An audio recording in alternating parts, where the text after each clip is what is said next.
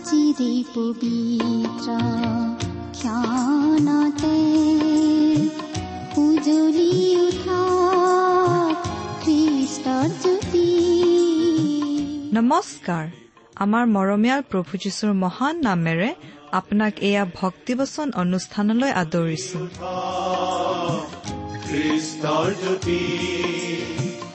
আকাশ বতাহ মুখৰিত কৰি গাঁও মিলি প্ৰশংসা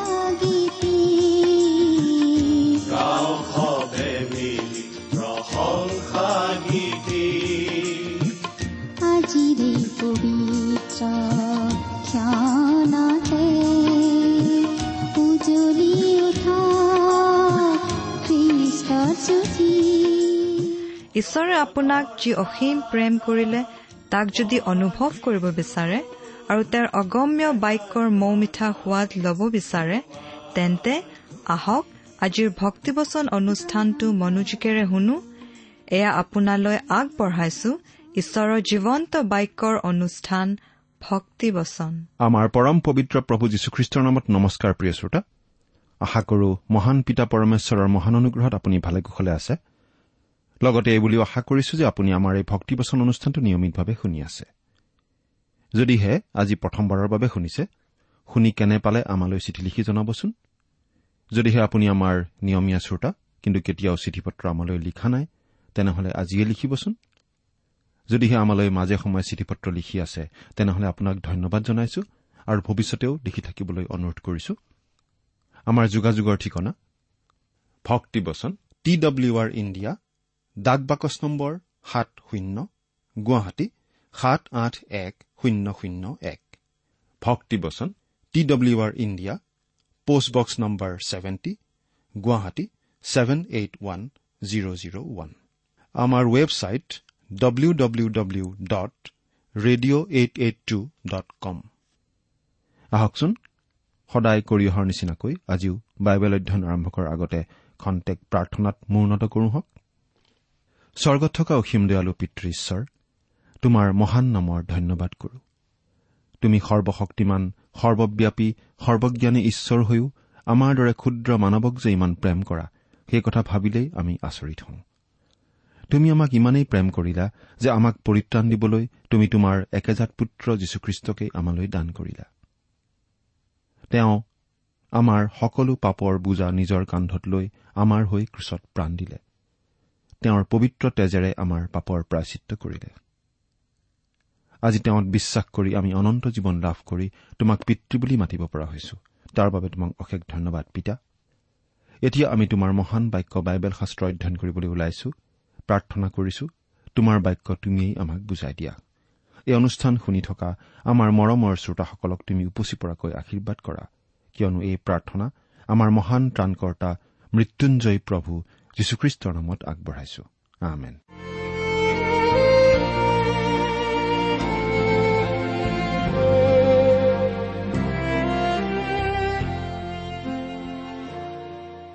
প্ৰিয় শ্ৰোতা যদিহে আপুনি আমাৰ এই ভক্তিবচন অনুষ্ঠানটো নিয়মিতভাৱে শুনি আছে তেনেহলে আপুনি এই কথাটো নিশ্চয় জানে যে আমি আজি কিছুদিনৰ পৰা বাইবেলৰ নতুন নিয়ম খণ্ডৰ ইব্ৰীবিলাকৰ প্ৰতি পত্ৰ নামৰ পুস্তকখন অধ্যয়ন কৰি আছিলো। নহয়নে বাৰু? আজি আমি এই ইব্ৰী পুস্তকখনৰ অধ্যয়নৰ সামৰণি মাৰিব খুজিছো। যোৱা অনুষ্ঠানত আমি ইব্ৰী পুস্তকৰ তেৰ নম্বৰ অধ্যায়ৰ দহ নম্বৰ পদলৈকে পঢ়ি আমাৰ আলোচনা আগবঢ়াইছিলো। গতিকে আজি আমি এই তেৰ নম্বৰ অৰ্থাৎ শেষ অধ্যায়ৰ শেষৰ কেইটা পদ এঘাৰ নম্বৰ পদৰ পৰা আৰম্ভ কৰি শেষলৈকে পঢ়ি তাৰ ভিত্তিত আলোচনা আগবঢ়াম। এই ইব্ৰী পুস্তকখন হৈছে এখন চিঠি। ইব্ৰী অৰ্থাৎ জিহুদী খ্ৰীষ্টীয় ভাইবিলাকৰ প্ৰতি লিখা এখন চিঠি। যীশুখ্ৰীষ্টত বিশ্বাস কৰা ইব্ৰী অৰ্থাৎ জিহুদী লোকসকললৈ এই পত্ৰখন লিখা হৈছিল। এই পত্ৰখনৰ লিখক কোন? সেই বিষয়ে মতানৈক্য থাকিলেও বেছিভাগ লোকে পাচনি পৌলেই এই পত্ৰখন লিখিছিল বুলি মানে। ইব্ৰী লোকসকলক বিশেষভাৱে পুৰণি নিয়মৰ দিনৰ ৰীতি নীতি বিধি বিধান আদিৰ কথা কৈ তাৰ পটভূমিত যীশুখ্ৰীষ্টক দাঙি ধৰা হৈছে। যীশুখ্ৰীষ্টই যে আমাৰ নিত্য অৰ্থাৎ চিৰস্থায়ী মহাপুৰোহিত সেই কথা ইয়াত প্ৰকাশ কৰা হৈছে। তেওঁৱেই যে আমাৰ বলি তেওঁৰ তেজেই যে আমাক সূচী কৰে আৰু তেওঁ যে আমাৰ বাবে ঈশ্বৰৰ সন্মুখলৈ যাবলৈ বাট প্ৰস্তুত কৰিলে সেই সকলো কথা বুজাই দিয়া হৈছে।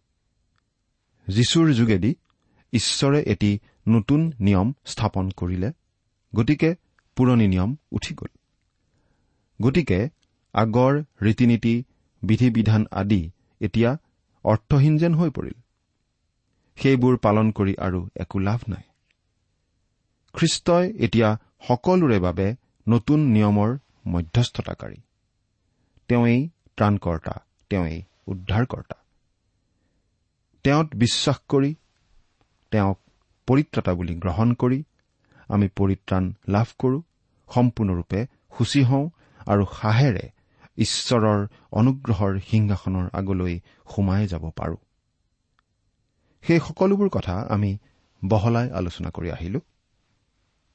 তাৰ পিছত আমি পালো বিশ্বাসৰ বীৰসকলৰ কথা। বিশ্বাসৰ বলতেই সেই বীৰসকলে বহুতো কাম কৰিব পাৰিছিল।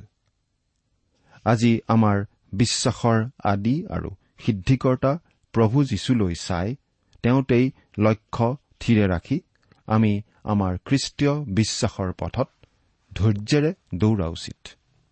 বিভিন্ন দুখ ক্লেশ সহিব লগা হলেও আমি হতাশ হ'ব নালাগে কাৰণ ঈশ্বৰে আমাৰ ভালৰ কাৰণেই সেই সকলো আমাৰ জীৱনলৈ আহিব দিয়ে। নিজৰ পুত্ৰক পিতৃয়ে শাসন কৰে পুত্ৰক প্ৰেম কৰাৰ বাবেই। ঈশ্বৰেও আমাক কেতিয়াবা শাস্তি দিব লগা হয় তেওঁ আমাক প্ৰেম কৰাৰ কাৰণেই তেওঁ যদি আমাক শাস্তি দিয়ে তাৰ দ্বাৰা এইটো প্ৰমাণ হয় যে আমি তেওঁৰ সন্তান। এই সকলো কথা আমি এই ইব্ৰী পুস্তকত পালো। এই তেৰ নম্বৰ অধ্যায়ত বিশেষভাৱে কিছুমান উদগনিমূলক বাক্য আছে। কিছুমান উপদেশ তথা পৰামৰ্শ আছে যিবোৰ খ্ৰীষ্টীয় বিশ্বাসীসকলৰ দৈনন্দিন জীৱনৰ সৈতে জড়িত। আমি ইব্ৰী পুস্তকৰ তেৰ নম্বৰ অধ্যায়ৰ এঘাৰ নম্বৰ পদৰ পৰা পঢ়ি যাম। আপোনাৰ বাইবেলখন মেলি লৈছেনে বাৰু? পাঠ কৰি দিছো এঘাৰ নম্বৰ পদ। কিয়নো যি যি প্ৰাণীৰ তেজ পাপাৰ্থক নৈবেদ্যস্বৰূপে মহাপুৰোহিতৰ দ্বাৰাই পবিত্ৰ স্থানৰ ভিতৰলৈ নিয়া হয়। সেইবোৰৰ শৰীৰ চাউনীৰ বাহিৰে পুৰা যায়। ইয়াত পুৰণি নিয়মৰ দিনৰ পাপাৰ্থক বলিৰ কথা কোৱা হৈছে। খ্ৰীষ্টও আমাৰ বাবে পাপাৰ্থক বলিস্বৰূপ হ'ল। অৰ্থাৎ আমি যে পাপী সেইকাৰণে তেওঁ আমাৰ বাবে পাপাৰ্থক বলি হ'ল। আমি পাপ প্ৰকাশ্যে কৰো বা নকৰো কিন্তু আমি স্বভাৱতেই সকলো লোক পাপী। প্ৰভু যীশুৱে আমাৰ সকলো পাপ নিজৰ গাত ললে আৰু আমাৰ হকে বলি হ'ল যাতে আমি পাপৰ শাস্তিৰ পৰা ৰেহাই পাব পাৰো যাতে তেওঁ আমাক এটা নতুন প্ৰকৃতি দিব পাৰে। বাৰ নম্বৰ পদ। এইকাৰণে যীশুৱেও তেওঁৰ নিজৰ তেজৰ দ্বাৰাই মানুহবিলাকক পবিত্ৰ কৰিবলৈ নগৰৰ দুৱাৰৰ বাহিৰত মৃত্যু ভোগ কৰিলে। প্ৰভু যীশুখ্ৰীষ্টক যেতিয়া ক্ৰুচত দিয়া হৈছিল নগৰৰ বাহিৰত ক্ৰুচত দিয়া হৈছিল। কিয় জানেনে প্ৰিয় শ্ৰোতা? কাৰণ তেওঁ আছিল আমাৰ পাপাৰ্থক বলি। মুচিৰ যোগেদি দিয়া বিধান মতে পাপাৰ্থক বলি সদায় মন্দিৰৰ বাহিৰতহে পূৰা হৈছিল।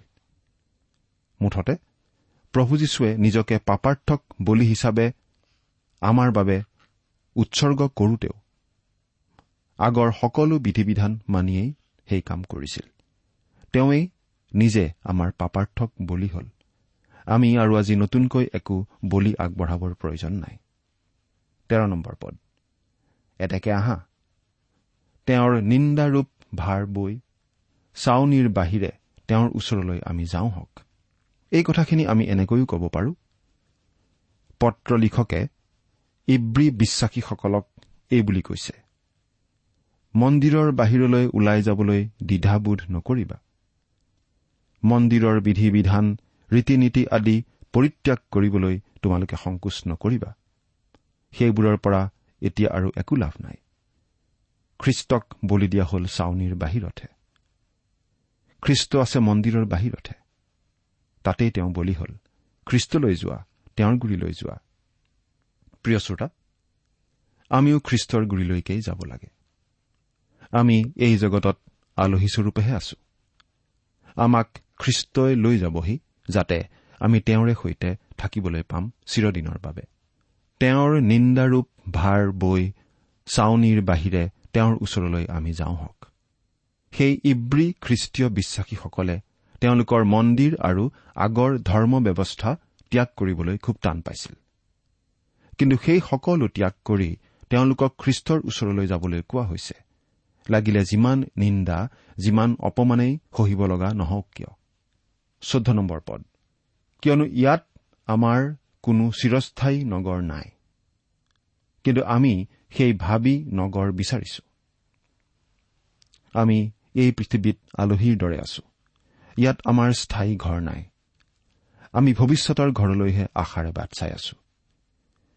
প্ৰভু যীশুৱেই সেই স্থায়ী ঘৰলৈ আমাক লৈ যাবহি।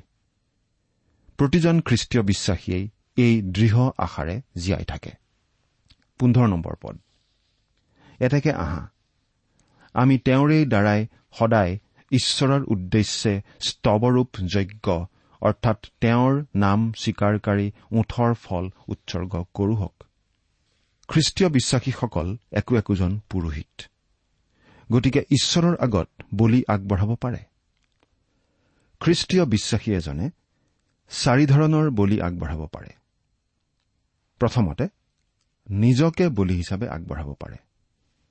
ৰুমিয়া বাৰ নম্বৰ অধ্যায়ৰ এক নম্বৰ পদত এইবুলি লিখা আছে এতেকে হে ভাইবিলাক ঈশ্বৰৰ সকলো কৰোণাৰ দ্বাৰাই মই তোমালোকক এই বিনয় কৰো। তোমালোকে নিজ নিজ শৰীৰক জীৱিত পবিত্ৰ আৰু ঈশ্বৰৰ গ্ৰহণীয় বলিস্বৰূপে উৎসৰ্গ কৰা এয়েই তোমালোকৰ যুক্তিসংগত আৰাধনা। দ্বিতীয়তে নিজৰ ধনৰ টোপোলা বলি হিচাপে আগবঢ়াব পাৰে। দ্বিতীয় কৰিন্ঠিয়া আঠ নম্বৰ অধ্যায়ৰ একৰ পৰা পাঁচ নম্বৰ পদলৈকে পঢ়ি দিব খুজিছো। হে ভাইবিলাক মাকিদনীয়া দেশৰ মণ্ডলীবিলাকক দিয়া ঈশ্বৰৰ অনুগ্ৰহৰ বিষয়ে মই তোমালোকক জনাওঁ যে ক্লেশৰূপ মহাপৰীক্ষাটো তেওঁবিলাকৰ আনন্দ অধিক হ'ল আৰু তেওঁবিলাকৰ অতি দৰিদ্ৰতা দানশীলতাৰূপ ধনত উপচি পৰিল।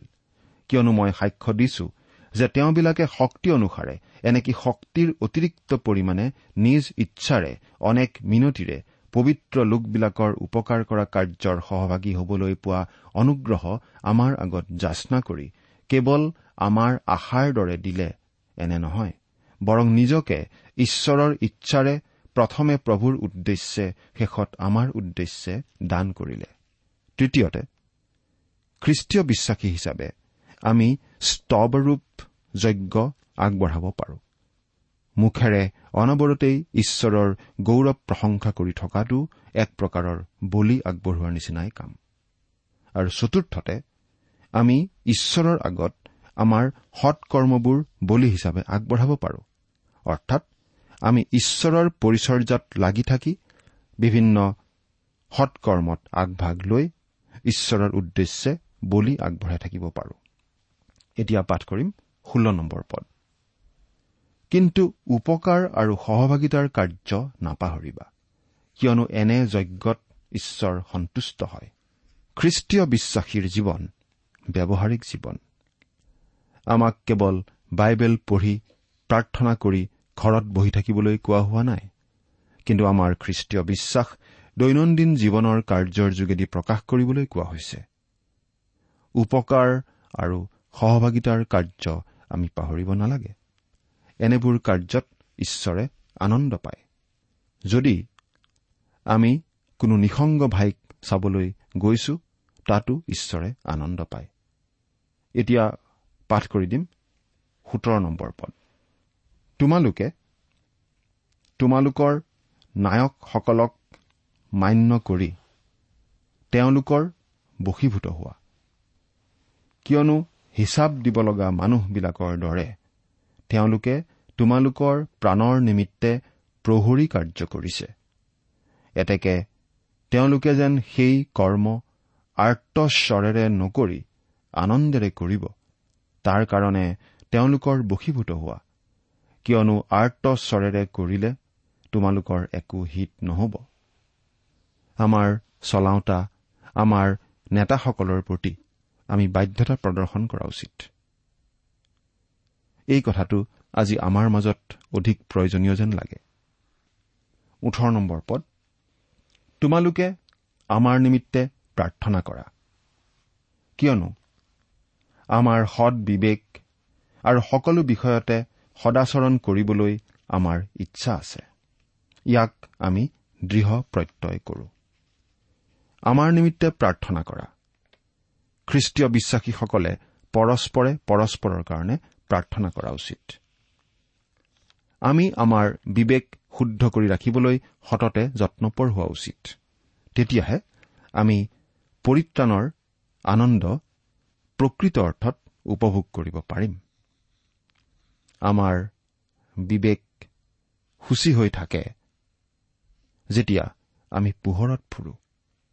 প্ৰথম জোহন এক নম্বৰ অধ্যায়ৰ ছয় আৰু সাত নম্বৰ পদত আমি এনেদৰে পঢ়িবলৈ পাওঁ। তেওঁৰে সৈতে আমাৰ সহভাগিতা আছে। ইয়াকে বুলি যদি আমি আন্ধাৰত ফুৰো তেন্তে মিছা কওঁ সত্য পালন নকৰো। কিন্তু তেওঁ যেনেকৈ পোহৰত আছে তেনেকৈ আমিও যদি পোহৰতে ফুৰো তেন্তে পৰস্পৰ আমাৰ সহভাগিতা আছে আৰু তেওঁৰ পুত্ৰ যীশুৰ তেজে সকলো পাপৰ পৰা আমাক সূচী কৰে। এতিয়া পাঠ কৰি দিম। ঊনৈশ নম্বৰ পদ। ইব্ৰী তেৰ নম্বৰ অধ্যায়ৰ ঊনৈশ নম্বৰ পদ। কিন্তু মোক যেন আৰু সোনকালে তোমালোকলৈ পুনৰাই দিয়া হয় এইকাৰণে প্ৰাৰ্থনা কৰিবলৈ মই তোমালোকক অধিক মিনতি কৰিছো। এই পদটো পঢ়িলে আমাৰ দৃঢ় বিশ্বাস হয় যে এই পত্ৰখন পাচনি পৌলেই লিখিছিল। পাচনি পৌল বন্দীশালত আছিল আৰু তাৰ পৰাই তেওঁ লিখিছিল। এতিয়া আশীৰ্বাদ প্ৰাৰ্থনালৈ আহিছো। এই আশীৰ্বাদ প্ৰাৰ্থনাটো বিভিন্নজনে পৰিচৰ্যাত কিজানি হাজাৰবাৰ ব্যৱহাৰ কৰিছে। পাঠ কৰি দিম। বিশ আৰু একৈশ নম্বৰ পদ দুটা। শান্তিৰ আকৰ যি ঈশ্বৰে অনন্তকাল স্থায়ী নিয়মৰ তেজৰ গুণে মেৰবিলাকৰ সেই মহান ৰক্ষকক অৰ্থাৎ আমাৰ প্ৰভু যীশুক মৃতবিলাকৰ মাজৰ পৰা পুনৰাই আনিলে তেওঁ নিজৰ ইচ্ছা সাধনৰ অৰ্থে তোমালোকক সকলো বিষয়ত সিদ্ধ কৰক। তেওঁৰ দৃষ্টিত যি সন্তোষজনক তাকে আমাত যীশুখ্ৰীষ্টৰ দ্বাৰাই সম্পন্ন কৰক। তেওঁৰ মহিমা সদা সৰ্বদাই হওক। আমেন। মেৰবিলাকৰ মহান ৰক্ষক। ইয়াত প্ৰভু যীশুক মহান ৰক্ষক বুলি কোৱা হৈছে। গীতমালা বাইশ নম্বৰ গীতত তেওঁক দেখুওৱা হৈছে সহজ মেৰৰখীয়া হিচাপে। আৰু জোহন দহ নম্বৰ অধ্যায়ৰ এঘাৰ নম্বৰ পদত তেওঁ নিজকে সহজ মেৰৰখীয়া বুলি কৈছে। মেৰৰ সহজ ৰখীয়া হিচাপে তেওঁ মেৰৰ জাকটি ৰক্ষা কৰিবলৈ নিজৰ প্ৰাণকেই দিলে। আৰু মহান ৰক্ষক হিচাপে তেওঁ মেৰবিলাকক গঢ়ি তোলে শুদ্ধ সিদ্ধ হিচাপে। সিহঁতৰ আপডাল কৰে। সেইটো আমি ইয়াতো দেখা পাওঁ। আৰু গীতমালা তেইছ নম্বৰ গীততো আমি সেইটো দেখা পাওঁ। তেওঁ আমাক শান্ত জলাশয়ৰ কাষে কাষে পৰিচালিত কৰে। আৰু আমাক এনেকুৱা ঠাইলৈ লৈ যায় য'ত ঘাঁহবোৰ উত্তম সেউজীয়া আৰু কোমল। অৰ্থাৎ তেওঁ আমাক পৰিচালিত কৰি লৈ যায় ঈশ্বৰৰ বাক্যৰ ওচৰলৈ। তাৰ পাছত গীতমালা চৌব্বিছ নম্বৰ গীতত তেওঁক উপস্থাপন কৰা হৈছে মুখ্য মেৰ ৰখীয়া হিচাপে। প্ৰথম পিতৰ পাঁচ নম্বৰ অধ্যায়ৰ চাৰি নম্বৰ পদটো পঢ়ি দিছো। তাতে প্ৰধান ৰক্ষক প্ৰকাশিত হোৱা কালত তোমালোকে ঐশ্বৰ্যৰূপ অম্লান কিৰিটি পাবা। প্ৰভু যীশুক প্ৰধান ৰক্ষক বুলি কোৱা হৈছে। প্ৰভু যীশুৱে অতীতত সজ মেৰৰখীয়া হিচাপে নিজৰ প্ৰাণ দিলে। বৰ্তমান তেওঁ হৈছে মহান ৰক্ষক। আৰু ভৱিষ্যতে কোনোবা এটা দিনত তেওঁ আহিব। তেওঁৰ মেৰবিলাকৰ মুখ্য ৰখীয়া হিচাপে। তেওঁ এশটা মেৰক লৈ আৰম্ভ কৰিছিল। আৰু আপুনি জানেনে স্বৰ্গত তেওঁৰ লগত কিমানটা মেৰ থাকিব? নিৰান্নব্বৈটা নে নাই। তেওঁৰ লগত এশটা মেৰেই থাকিব। অৰ্থাৎ তেওঁ জাকৰ পৰা এটা মেৰো নেহেৰুৱায়। অনন্তকাল স্থায়ী নিয়মৰ তেজৰ গুণে। ঈশ্বৰে স্থাপন কৰা সকলো চুক্তিৰ ভেটি আছিল আচলতে খ্ৰীষ্টৰ তেজ। তেওঁৰ নিজৰ ইচ্ছা সাধনৰ অৰ্থে। ঈশ্বৰৰ সন্তানসকলৰ বাবে প্ৰয়োজনীয় কামটো কি? তেওঁৰ ইচ্ছা পালন কৰা। নিজ নিজ জীৱনত তেওঁৰ ইচ্ছা সিদ্ধ কৰিবলৈ তেওঁক সুবিধা দিয়া। তোমালোকক সকলো সৎবিষয়ত সিদ্ধ কৰক। আচলতে ইব্ৰী খ্ৰীষ্টীয় বিশ্বাসীবিলাকলৈ লিখা পত্ৰখনৰ এয়েই উদ্দেশ্য আছিল। আমাক এই বুলি কোৱা হৈছে আমি সিদ্ধতাৰ অৰ্থে আগবাঢ়ি যাওঁ হওক। অৰ্থাৎ তেওঁ এই বুলি বুজাইছে যে আমি পৰিপক্কতাৰ পথত আগবাঢ়ি যোৱা উচিত যাতে আমি ঈশ্বৰৰ পৰিপক্ক সন্তান হ'ব পাৰো। কেঁচুৱা এটা বিচনাত উমলি জামলি থকা দেখিলে বৰ ভাল লাগে কিন্তু যদি আমি বিছ বছৰৰ পাছত উভতি আহি কেঁচুৱাটোক একে অৱস্থাতেই দেখো তেন্তে নিশ্চয় কিবা এটা সাংঘাতিক কেৰুণ থকা বুলি আমি বুজি পাম। আজি এনেকুৱা বহুতো খ্ৰীষ্টীয় বিশ্বাসী আছে যিসকল পৰিপক্ক অৱস্থালৈ যাব লাগে বৃদ্ধি পাব লাগে আৰু সেই ক্ষেত্ৰত এই ইব্ৰীবিলাকলৈ লিখা পত্ৰখনে তেওঁলোকক যথেষ্ট সহায় কৰিব পাৰে। তেওঁৰ দৃষ্টিত যি সন্তোষজনক তাকে আমাত যীশুখ্ৰীষ্টৰ দ্বাৰাই সম্পন্ন কৰক। তেওঁৰ মহিমা সদা সৰ্বদাই হওক। আমেন। পদ।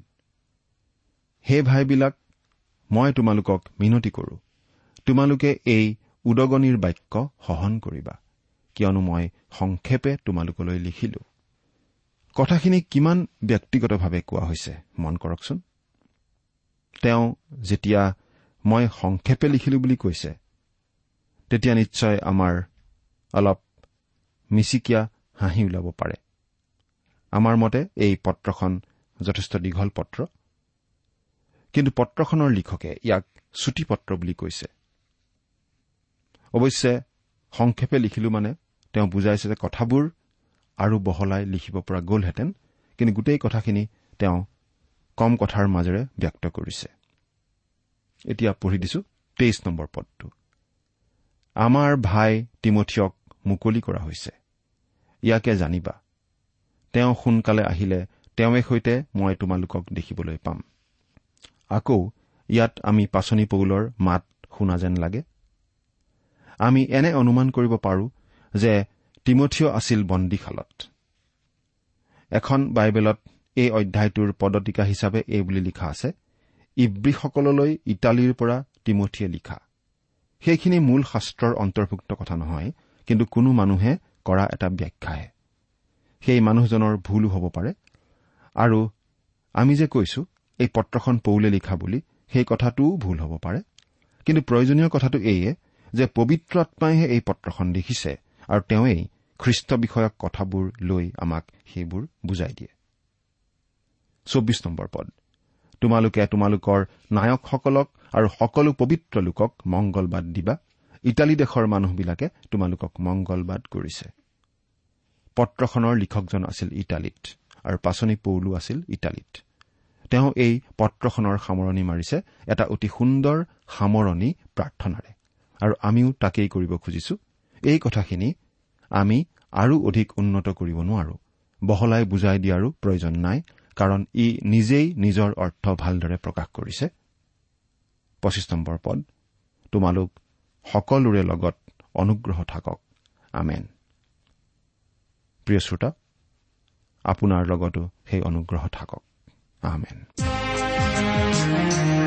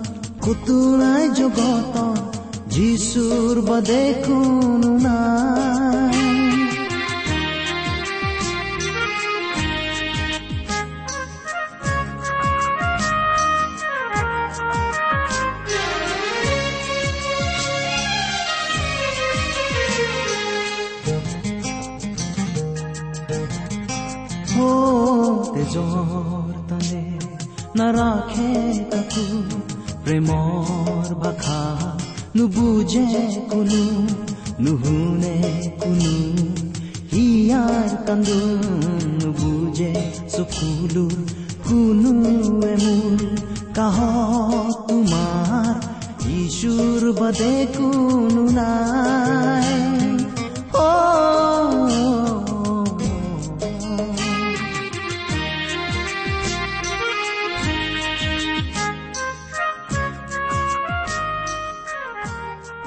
ইমান পৰে আপুনি ভক্তিবচন অনুষ্ঠানটি শুনিলে। অনুষ্ঠানটি শুনি কেনে পালে? আমালৈ চিঠি লিখি জনাবচোন। অনুষ্ঠানত প্ৰচাৰ কৰা কোনো কথা বুজিব লগা থাকিলেও আমালৈ লিখক। আমাৰ ঠিকনা ভক্তিবচন টি ডাব্লিউ আৰ ইণ্ডিয়া ডাক পাকচ নম্বৰ সাত শূন্য গুৱাহাটী সাত আঠ এক শূন্য শূন্য এক। ঠিকনাটো আৰু এবাৰ কৈছো ভক্তিবচন টি ডাব্লিউ আৰ ইণ্ডিয়া ডাক পাকচ নম্বৰ সাত শূন্য গুৱাহাটী সাত আঠ এক শূন্য শূন্য এক। আপুনি ইমেইল যোগেৰেও আমাৰ সৈতে যোগাযোগ কৰিব পাৰে। আমাৰ ইমেইল আইডিটো হৈছে Assamese T TV at radio' eight eight two dot com. আইডিটো আকৌ এবাৰ কৈছো। Assamese T TV at radio' eight eight two dot com. আপুনি টেলিফোনৰ মাধ্যমেৰেও আমাক যোগাযোগ কৰিব পাৰে। আমাৰ টেলিফোন নম্বৰটো হৈছে শূন্য তিনি ছয় এক দুই ছয় শূন্য চাৰি ছয় সাত এক। ফোন নম্বৰটো আকৌ এবাৰ কৈছো zero' three six one two six zero' four six seven one. আজিৰ অনুষ্ঠানটি ইমানতে সামৰিছো। ঈশ্বৰৰ শান্তি আৰু অনুগ্ৰহ আপোনাৰ লগত থাকক। ধন্যবাদ।